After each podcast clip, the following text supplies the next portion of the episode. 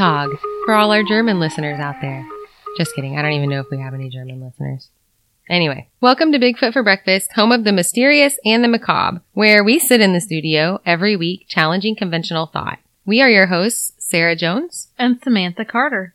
So we say this every time, but we are really, really happy that you are back to hang out with us for yet another episode of The Weird and Strange because, as usual, we have a story for you. And not just any story. A story that is truly the thing of nightmares. But first and foremost, we want to take a second to say thank you to everyone who has been following the show. We really hope that you enjoyed it so far, and please don't go anywhere because we have a lot of new and equally creepy episodes for you in the coming weeks. We are really happy with the way that the show has been progressing, and it has a lot to do with you guys who are helping us along the way, suggesting us to friends and family, sharing us on social media, and participating in our contests, and we appreciate that very much. If you're new to the show, please don't forget to push that subscribe button on whichever app you're listening from and leave us a comment and a review to let us know how we're doing. If you're new to the show, please don't forget to push that subscribe button on whichever app you're listening from and leave us a comment and a review to let us know how we're doing. We do read every one of them and they're very helpful in promoting Bigfoot for breakfast as well.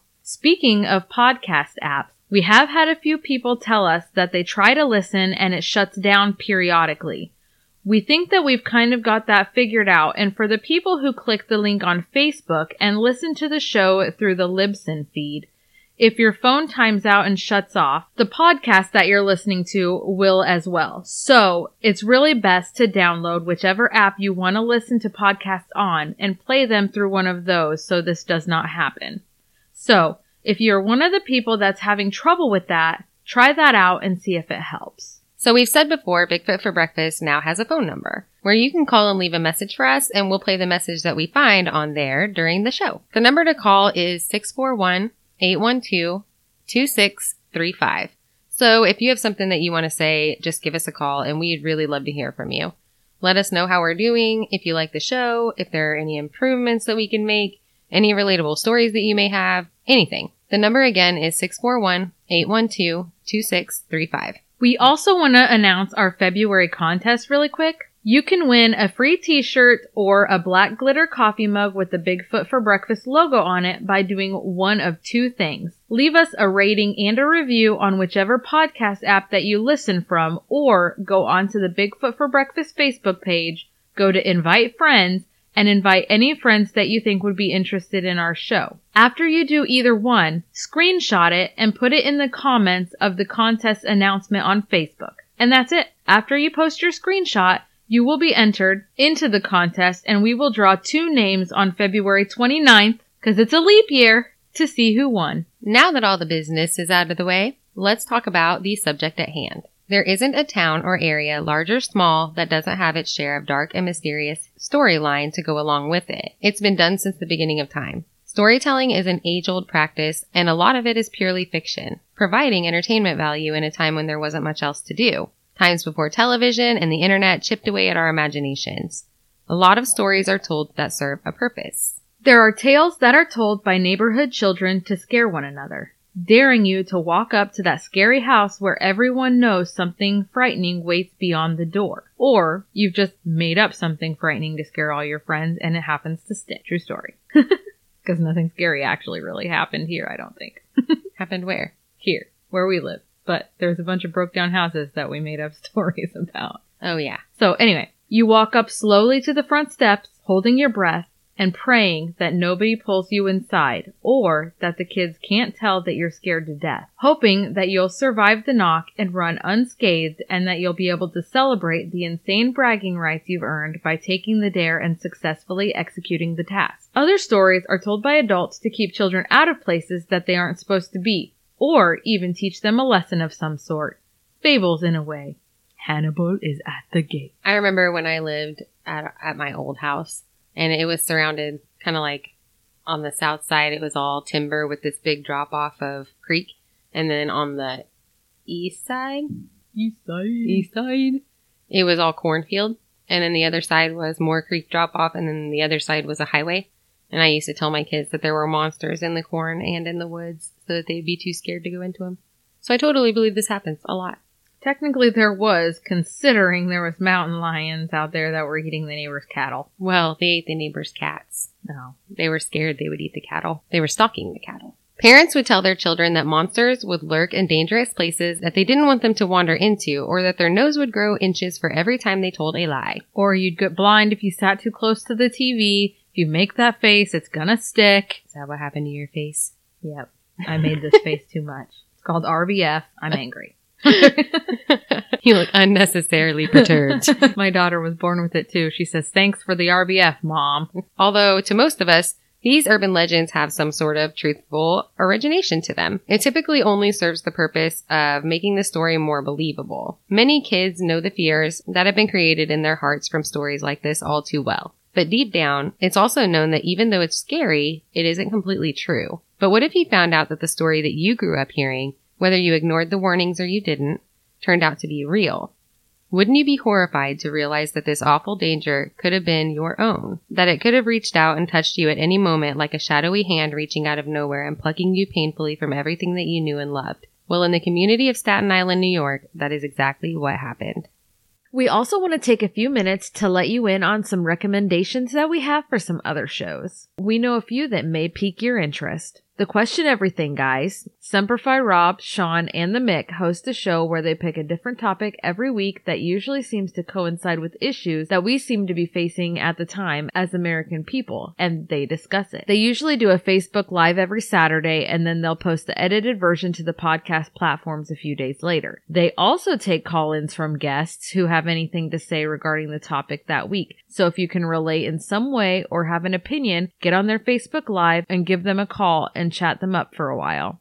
MWP is another show that you guys should check out. Chach and Josh are funny and their conversations flow really well. They talk a lot about movies, wrestling, politics, whatever else comes up through the episode with a lot of jokes and a lot of great personality. So check them out. You won't regret it. The Kensington Corner with Tom and Jeff is another great show. They tackle the problems of the world one thing at a time, but they focus a lot on health and overall well-being, both mentally and physically, from a man's standpoint. And we found their show to be really interesting because they aren't afraid to really get into the everyday struggles that guys face, especially with mental health and stress. It's a really honest show, and one of them is a veteran, so they promote various causes associated with the mental health of veterans as well, which we think is incredible because it's a very important topic and our nation's veterans don't get the love and support that they deserve. Any conversation that can be had about how to improve that is fantastic.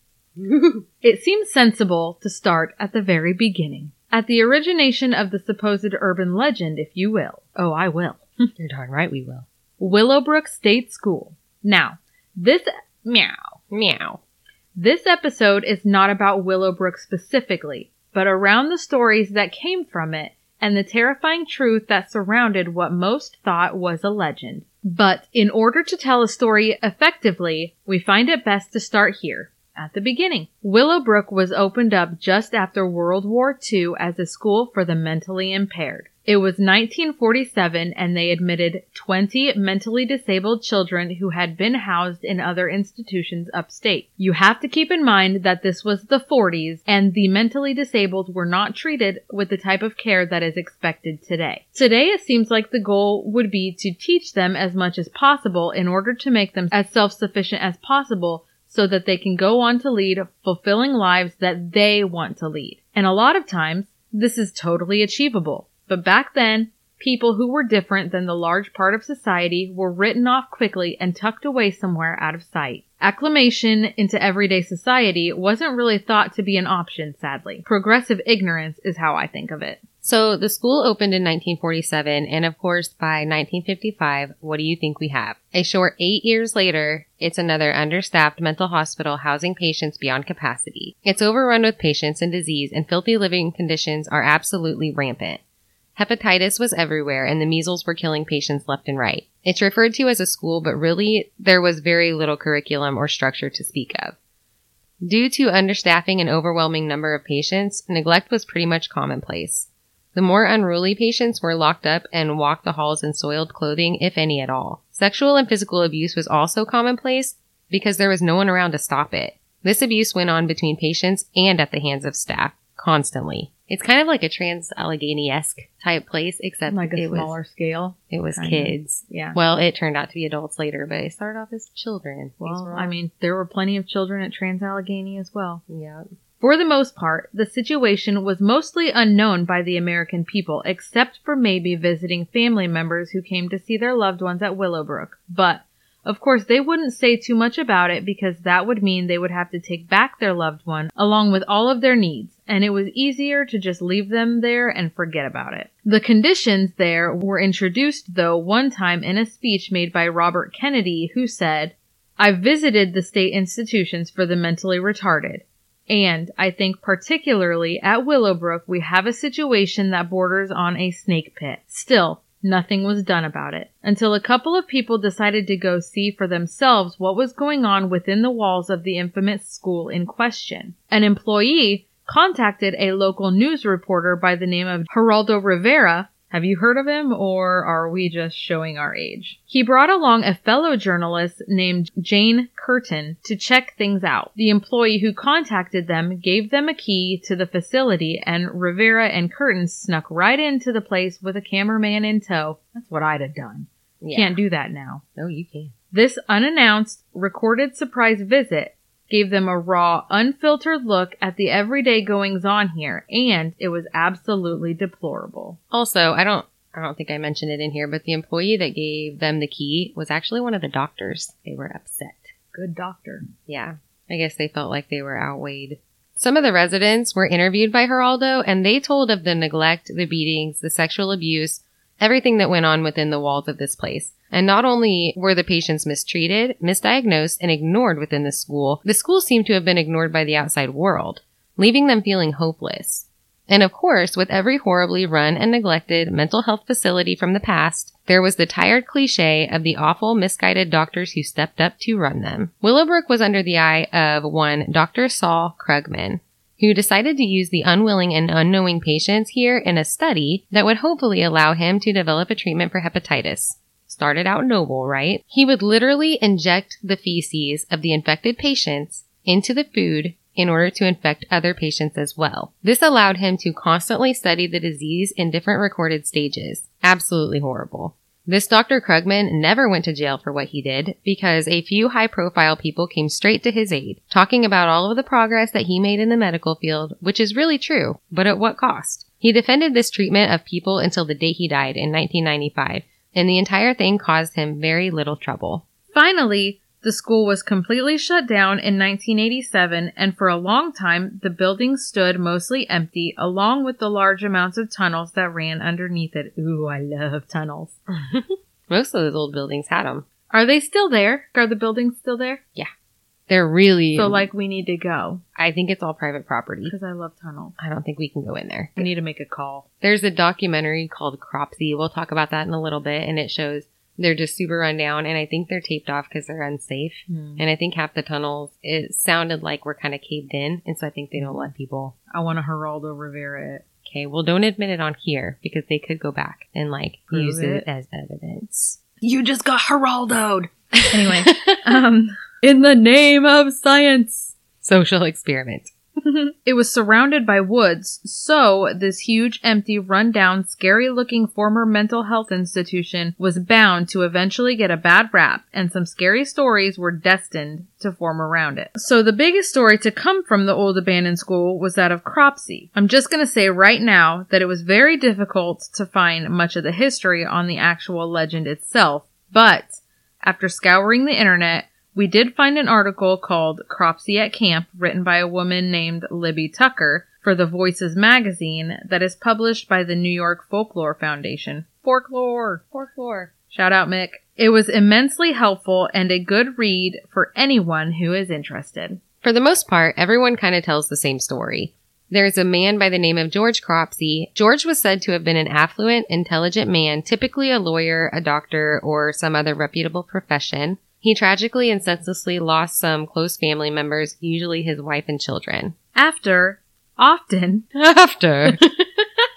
Often it is said that a camper from the nearby woods carelessly left a fire ablaze and unattended. The fire spread through the woods to George Cropsey's house, lighting it on fire. The The man's children and wife were killed in the blaze, and this left him transformed from the calm, respectable man that he once was to a vengeful psychopath who ended up residing within the walls of the Willowbrook School that later turned into more of a mental hospital. It is told that Cropsey had escaped the confines of the place and took to living in the woods, remaining in the area all of this time. He was taking any opportunity that he could find to exact revenge on any unsuspecting campers in the area. Campers turn up missing here and there, or are found to have been murdered in the woods with a message left on them from Cropsey, often in the form of his name being burned somewhere on the body like their bur- like a brand on cattle. A lot of versions of the story put Cropsey coming out mostly on the anniversary of the death of his loved ones, and then a camp counselor or adult will chuckle,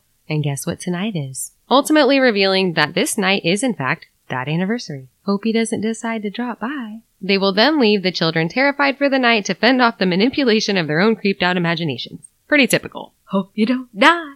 For real. The stories told often make Cropsey seem invincible or uncatchable. Aren't they all? He reminds me of Michael Myers. Right? Or Jason Voorhees? Yeah. He would often be said to have been injured by the camp counselors who would carry weapons just in case they came in contact with him. One story tells of a counselor hitting him with a hatchet, and another of a police officer shooting him several times with seemingly no effect on him, and he escapes these narrow interactions every single time. This part of the story seems to give it an even scarier, more supernatural twist. To a child, Cropsey seems unstoppable and terrifying.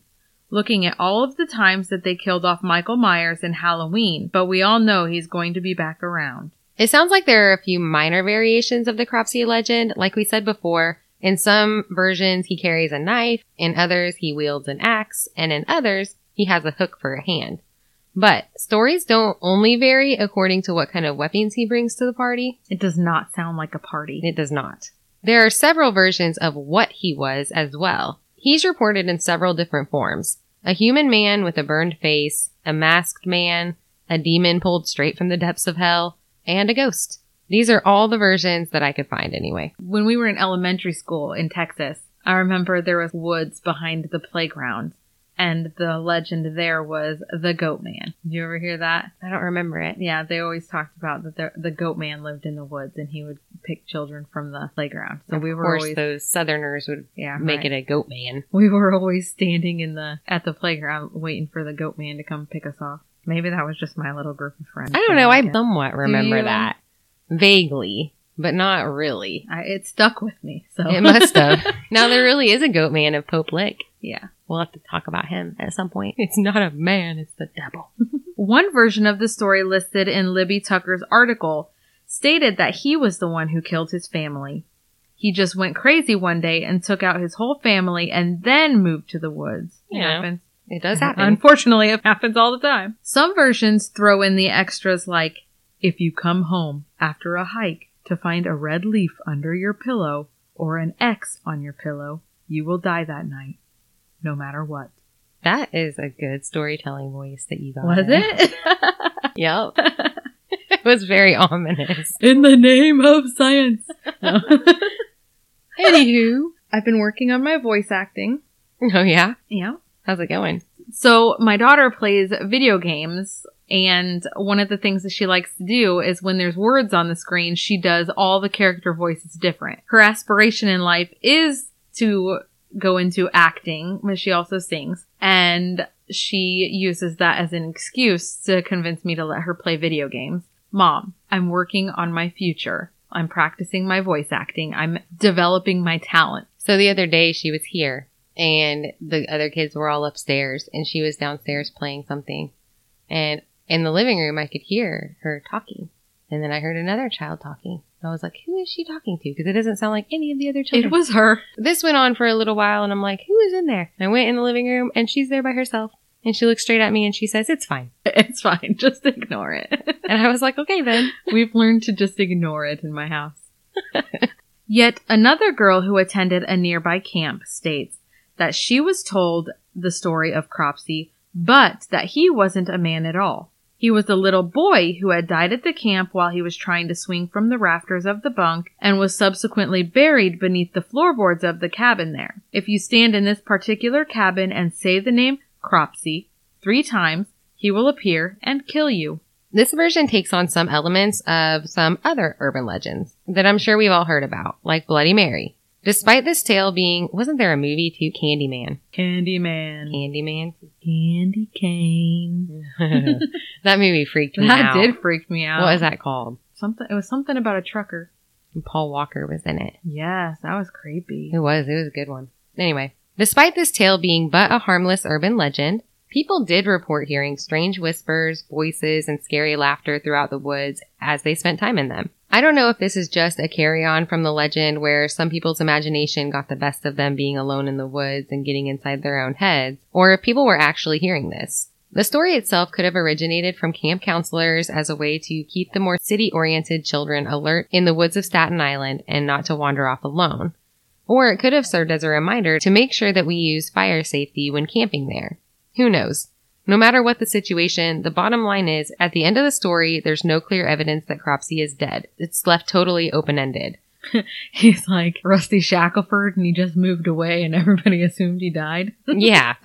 well, I don't know. Rusty Shackleford. Stop using my identity. He's never found, and the listener is left to wonder where he could be. Likely in the woods, waiting for his next camper.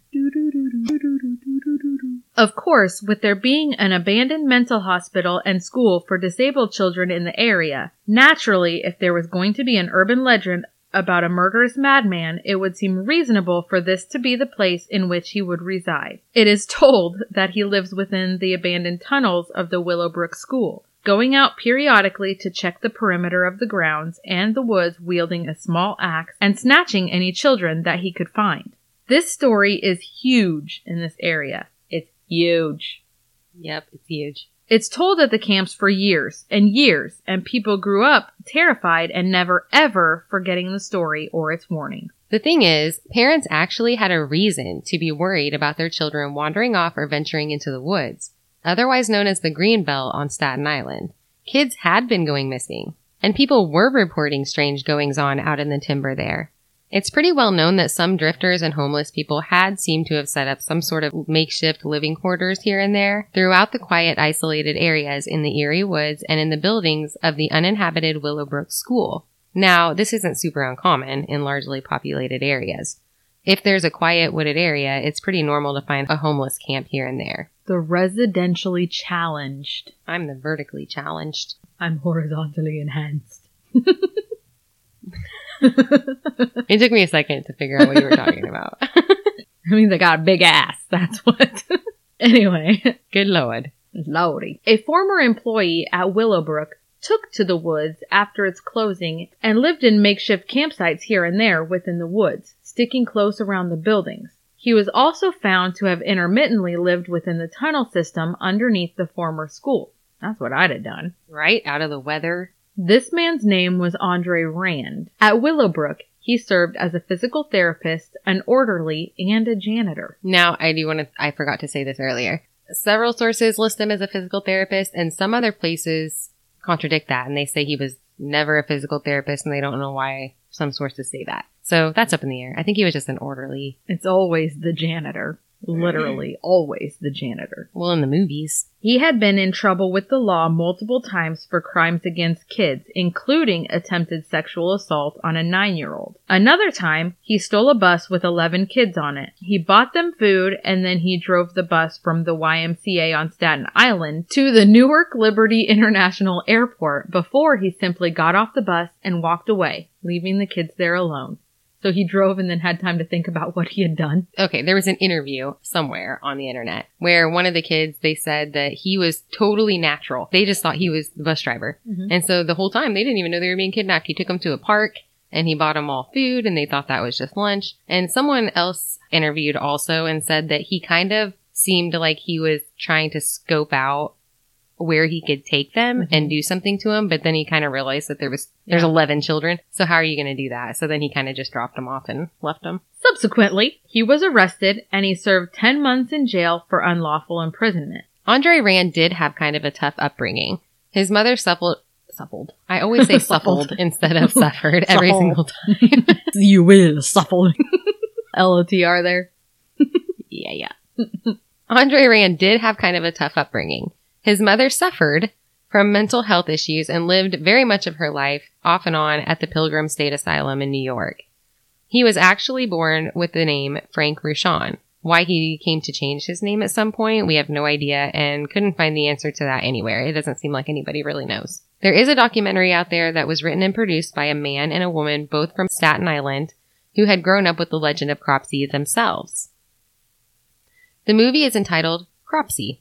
And if you have any interest in the case of Andre Rand or the things that we talk about today, we suggest that you also watch this film because it is a very thorough film and it's very informational. They interviewed Andre Rand's sister briefly, who stated that neither her or her brother Andre were ever physically abused as children or sexually abused, which is strange because a huge majority of cases like this, this is the situation. So was she younger?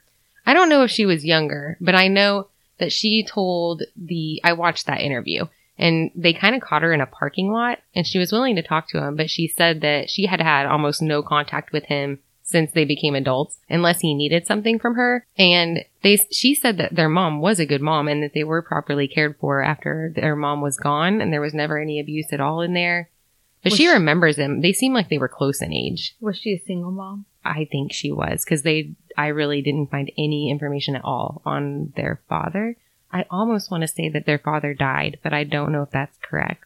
I wonder if, because oftentimes, if there's abuse going on with one kid, maybe the other, sometimes they don't, they're not even aware. I wouldn't discredit that he didn't suffer some form of that. Not to say I'm assuming that there was abuse, but I'm saying it's possible that she just wasn't aware of what was or happening. wasn't Yeah. like really subjected to it. Exactly. And- sometimes they focus on one kid and, the other kids don't have a clue.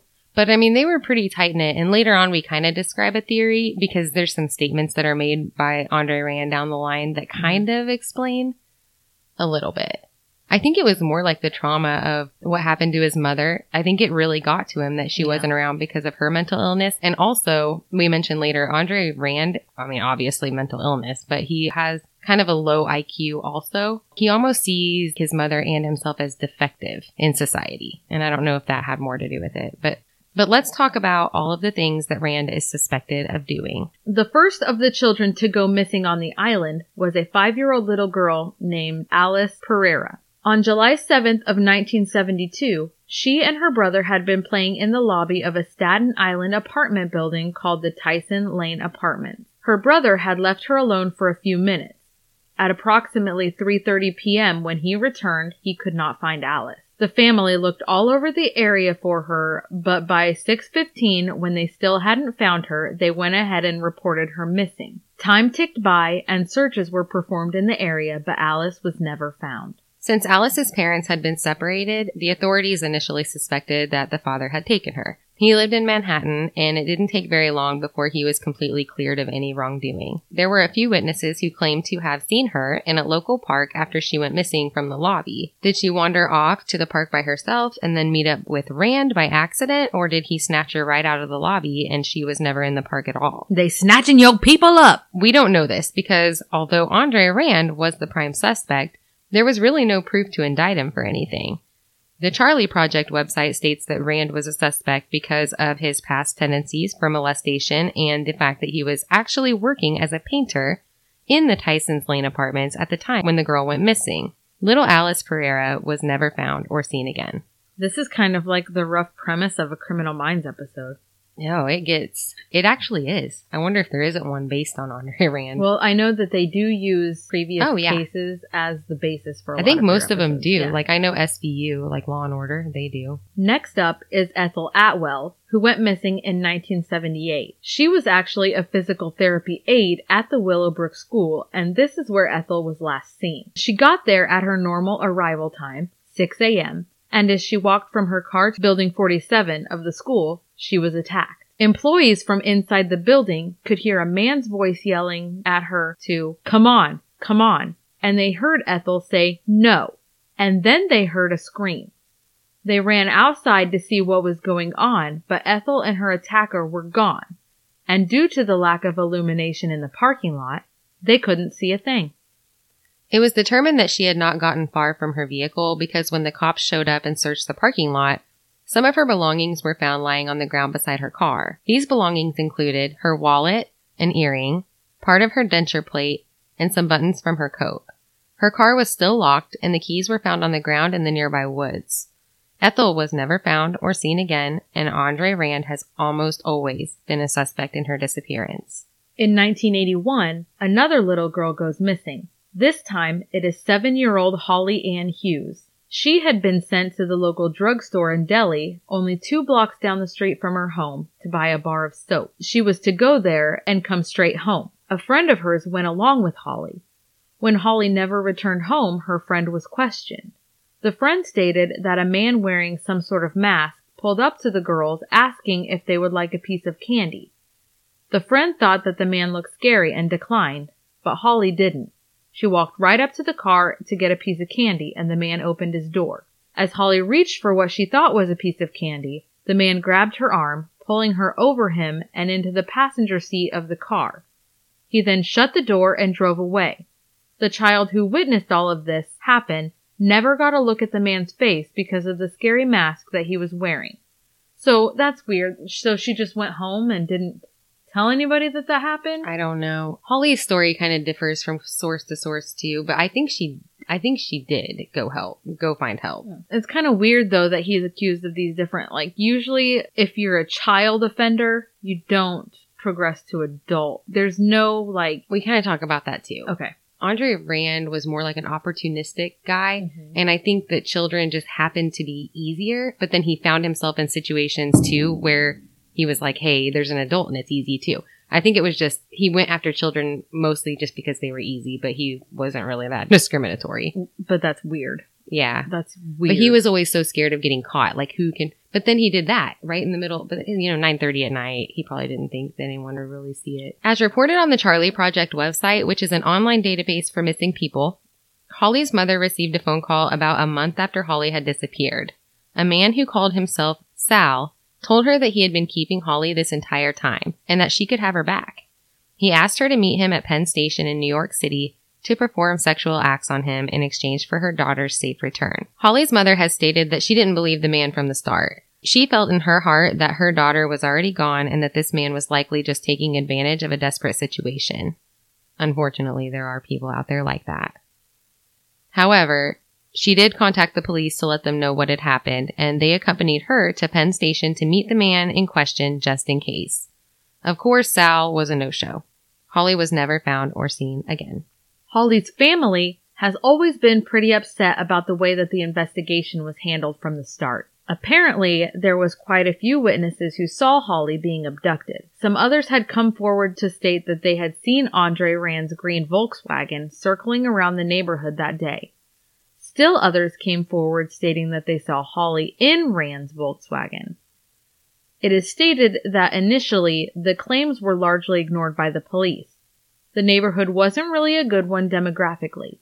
It was poor and run down, so most of the witnesses who had come forward to tell what they saw were not reputable people and had prior convictions themselves. Holly's brother grew up later on to be a police officer for the Staten Island police, I think, or New York City police. I'm not sure, but he's been extremely active in her case and instrumental in some of the later charges that were brought to Andre Rand. So he was pretty awesome. He fought for his sister forever. I think he was a teenager when she went missing, or at least like a young teenager. Mhm. Next to disappear was a couple of years later in 1983. This girl was 11 years old and her name was Thais Jackson. Thais and her family were living in Mariners Harbor Motel on Staten Island. The family's house had recently burned down and they were staying in this hotel until they were ready to move south as they had planned to do. According to the Charley Project website, it was about 1.30 in the afternoon and Thais was asked by another hotel resident to go to the store and grab some groceries for them and Thais agreed. When Thais was asked to do this, her mother was sleeping, so she had no idea that Thais had even left the residence. When her mother woke up, she started looking for Thais and was then told that she had left three hours ago and that Thais had not yet returned. Obviously, her mother became very concerned and called the police immediately. Her mother stated that she is not typically someone who would just go up to strangers, as she is used to being out on the streets of New York City, so she was considered to be a pretty streetwise girl. Of course, the mother was looked at pretty hard by police, and so was Thais' uncle, who also lived at the hotel. Both relatives took and passed polygraph tests, and they were quickly ruled out as suspects in her disappearance. Andre Rand was an initial prime suspect in the case of Thais Jackson. Reportedly, she was last seen on August 14th, and this was only 12 days after Andre Rand was done serving his prison sentence for the incident with the school bus. Rand also had a campsite that was within the immediate vicinity of this hotel, and he had been supposedly seen loitering outside in the hotel parking lot earlier that day. Not enough evidence was found to have brought charges against anyone, and 11 year old Thais Jackson was never found or seen again. The following year, in 1984, a man named Hank Gafforio disappeared. He was 22 years old and was reported to have had a low IQ and borderline MR. He was last seen at the spa lounge on Staten Island after a night of drinking, and it was 4 a.m. He was said to have been turned away from at least one bar that night, so I'm assuming that he had been drinking pretty heavily. Now, this doesn't seem to fit the bill, right? Most of the other disappearances had been little girls, and believe it or not, Rand was questioned in all of these cases, but no charges were ever brought because the children were never found, and there was never sufficient evidence to bring the charges. But what made the authorities think that Rand had been involved in the case of missing Hank Gafforio? Well, Hank was last seen by several witnesses eating breakfast with Andre Rand at a local diner early the morning he went missing. So it sounds like he was out at bars, he was drinking, it was 4 a.m., he maybe met up with Rand and Rand bought him breakfast. Rand also would have likely known Gafforio because before Andre Rand was homeless, he lived only a few houses down from where Hank Gafforio grew up. Hank was never found or seen again.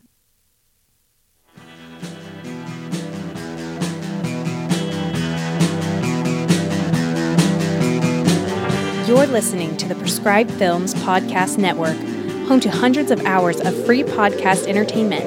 The shows on this network all have a common goal providing you with the best discussions about movies and other forms of entertainment media. The PFPN hopes to fill your earholes with audio joy. Visit our website with links to all the other amazing shows at www.thepfpn.com. Thanks for listening.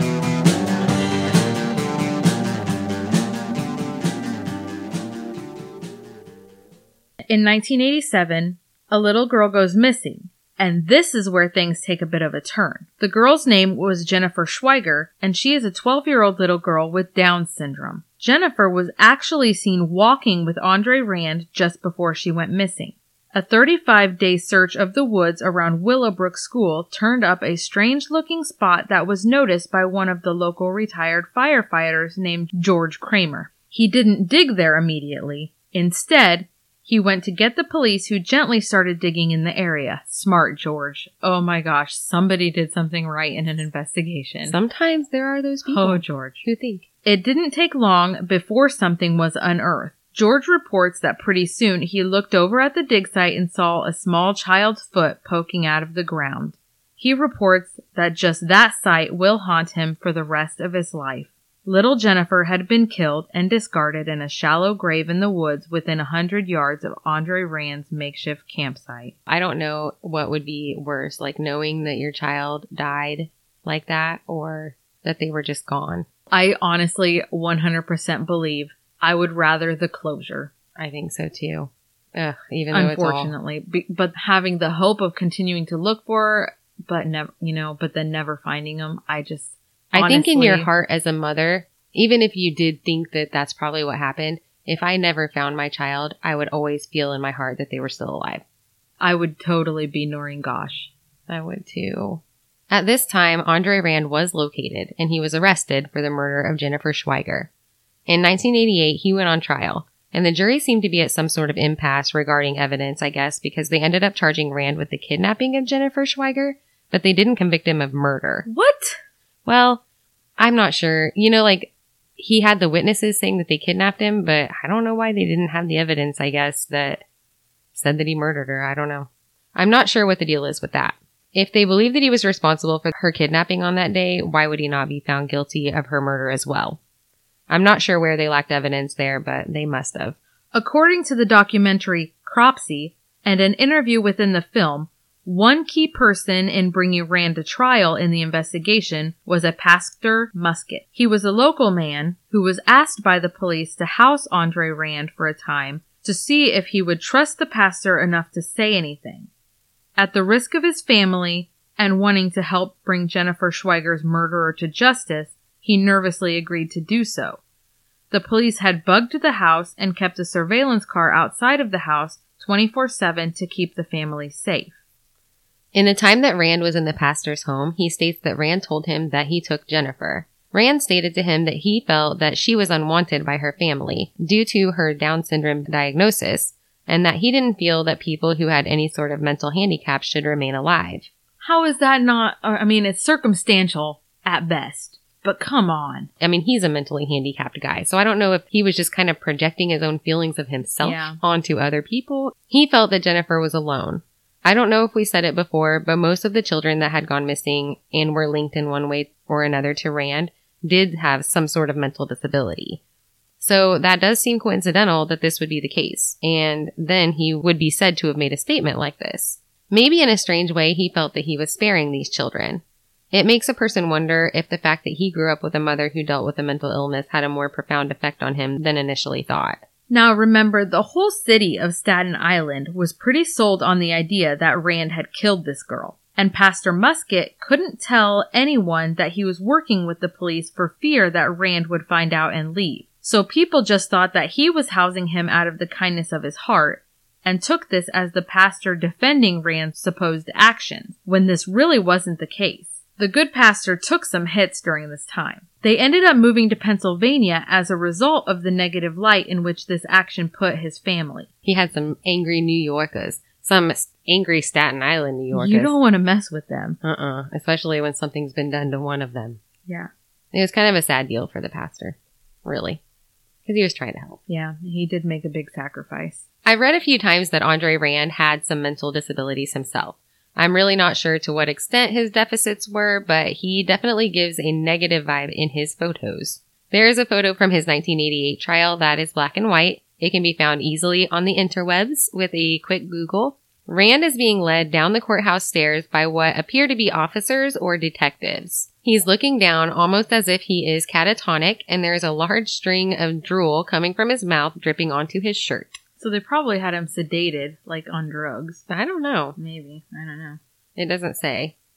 In other photos, his face seems almost sunken in around the mouth, and he's balding and has large bulging eyes. Obviously, if people thought that Rand had killed Jennifer, they could only speculate that he was likely responsible for the disappearance of the other children as well. He was seen with most of them just prior to their going missing and was obviously out looking for children to victimize, so it seems reasonable. There are people who walk the green belt of Staten Island to this day looking for odd looking patches of ground and subsequently digging them up trying to locate some of the other bodies so that their families might have a bit of closure. Obviously, you should not be digging up things when you're investigating them yourself. You put them at risk for compromising evidence, and then when they go to trial, they say, well, how do we know that this evidence wasn't placed by this other person? A reasonable doubt, and they're not going to be able to convict him anyway. Don't do those things. But I think at this point, we'll get to that.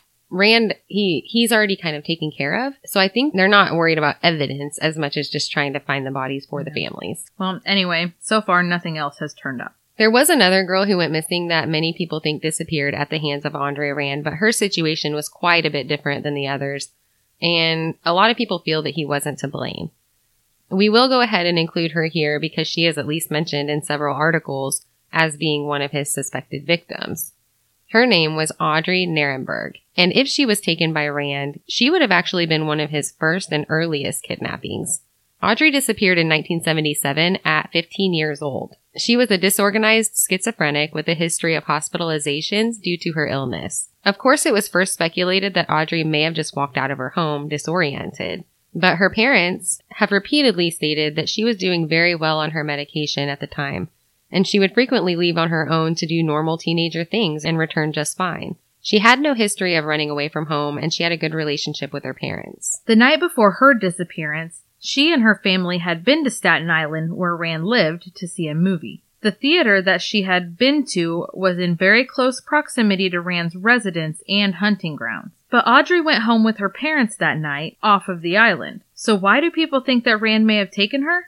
Because one of the symptoms of her conditions is that she frequently repeats things that she had recently done. It is thought that she may have gotten on a boat and went back to Staten Island, coming into contact with Andre Rand then. There was, however, a couple of other suspects in this case that seem reasonable as well. Five years after Audrey's disappearance, a friend of her brother was sentenced to 18 years for stabbing another woman. Thankfully, this woman did survive. He lived a block away from where Audrey had last been spotted and never went back to her parents' house again after her disappearance. After he was convicted of stabbing the other woman, he was asked to participate in a polygraph examination in which he would be asked questions in relation to the disappearance of Audrey. He declined this test. Hmm. Case closed. Yeah, kinda. Some people are scared of polygraph tests that do turn out to be innocent just because there are a lot of false. Yeah. Another man suspected in her disappearance was the owner of a local ice cream parlor. She had accused him of raping her. He called her a liar and told the police that the two did have sex, but that it was consensual. There was no proof and no charges were ever filed. Since Audrey vanished, though, mysteriously, there is now a large spot on the wall of the ice cream parlor that has been cemented up without explanation. It is obviously speculated that this is where Audrey is, but once again, no charges were brought because they had no proof that he was anywhere near her when she went missing. The parlor owner sold the shop and moved away only three months after her disappearance. And they didn't break down the wall? Well, if you don't have, I mean, you have to ask for permission to go do stuff like that. And I if he said no and there was no other real proof that he was involved, then they can't just go break his wall. But why wouldn't the new owner give him permission? That's what I was wondering too. I don't know. I never found any information on that because if I was the new owner, I would break the wall. break the wall. But not everyone's like that. Yeah, that's true. Even though none of the other bodies have been located, that did not stop authorities from bringing Rand to trial again in 2004. This time for the kidnapping of seven year old Holly Ann Hughes. 23 years had gone by since her disappearance, but luckily in New York, there's no statute of limitations for kidnapping or murder, so the trial went on as planned. When the police did finally investigate Rand in the case, it may have been too late. This is at the time when she went missing. Quite a bit of time had passed, and when they did search his makeshift residence and his car, they found nothing. But since being incarcerated for Jennifer Schweiger's kidnapping, he's been heard bragging multiple times about the sexual things that he has accomplished with many children, often compares himself to Ted Bundy. Holly Ann Hughes' mother was the one who received that phone call from a man who called himself Sal, remember? When Rand was arrested, she identified his voice as the same one from the phone call. Those witnesses who were mostly ignored before were brought in to testify against Rand that they had seen his car multiple times in the area that night and had seen Holly in his car later. At trial, Rand did admit to having contact with Holly. He said that he played a hide and seek game with her, and when she came up a nickel short to buy her bar of soap at the deli, he gave her five cents to purchase it. Rand was again convicted of kidnapping, but not murder, because they had not found Holly. He was sentenced at this time to another 25 consecutive years to life. Andre Rand becomes eligible for patrol. He doesn't get to patrol. Well, he probably will. Oh, if he gets Now out. he'll be dead. Andre Rand becomes eligible for parole in 2037 and he will be 93 years old. Deny it. Twice a year, volunteers still go back to the area to comb it over for clues and evidence related to the other victims that may be tied to Andre Rand. The legend of Cropsey still lives on among campgoers and local people. So let's get back to the legend itself a little bit more. How did the legend killer get the name Cropsey? It's hard to say. The only name that really comes up in New York history is the famous painter by the name of Jasper Cropsey, who was sickly as a child and taught himself to draw and paint during his time off from school. Many of the people of Staten Island say that the Cropsey legend has been around for as long as they can remember. The stories of the murderous axe or knife wielding maniac have been terrifying children and adults alike for years and years. Like we talked about before, the stories likely started out as a cautionary tale. There was a number of factors that created that eerie feeling at the time in Staten Island. The fact that an old, rundown, scary looking school existed there, and one with such a horrible history at that, was bound to create rumors in the first place. The fact that campers were in the area, so a cautionary creepy tale was created to keep them within the camp boundaries existed. And last but not least, the fact that children were actually going missing in the area. These are the ingredients that created an aura around the city and its surrounding beautiful landscape. I have to say a lot of our information that we got from the missing children came from the Charley Project at www.charleyproject.org. It is a database filled with information on missing children and adults throughout the United States, and it's obvious that it takes quite a bit of work to keep it going. If you're interested in donating to a good cause, go to their website and push the donate button up at the top and make a small contribution to their cause. Resources like this are invaluable and we appreciate them very much. So that's it for this week's episode of Bigfoot for Breakfast. Make sure that you go onto your favorite podcast app, subscribe to our show, Your um, favorite show, your favorite show. your favorite podcast. Give us a rating and a review. Share us with your friends. Don't forget to check out our Facebook page. Look for updates, funny memes, and contests, which we will be posting a contest Here shortly, in the next day or so, we'll post this one that we announced today. and we are going to be drawing for the winner of that contest on Leap Day, February 29th. You're going to win either a Bigfoot for Breakfast t-shirt or a glittery coffee mug. And all you have to do is go into our Facebook. You can go to the invite friends button. Invite as many friends as you want. Anyone that you think might be interested in our show, screenshot it and put it down in the comments beneath the post. You can also go on and leave a review and screenshot that. And that'll count as a contest entry as well. Aside from Facebook, we're also on Instagram, Twitter, and TikTok. Our TikTok postings will get more interesting. We're just, we're just, you know, dipping our toes in the TikTok world, but it looks enticing. Don't forget to call our voicemail system at 641-812-2635. Leave us a voicemail, talk to us about the show, things that you would like to hear from us, things that we could do differently, suggestions that you might have, or if you have something to talk about on an interesting topic. We are always happy to hear those stories as well. Also, we love compliments and even the occasional prank, apparently. we love compliments. Make sure and check out um, Attitude Podcast Network on Facebook as well as Prescribed Film Podcast Network for some other cool shows. Yeah, there's a lot of cool shows on both of those sites. So yeah, definitely check them out. Other than that, I think that's enough news for today. Bigfoot for breakfast, out. Until next week. Bye!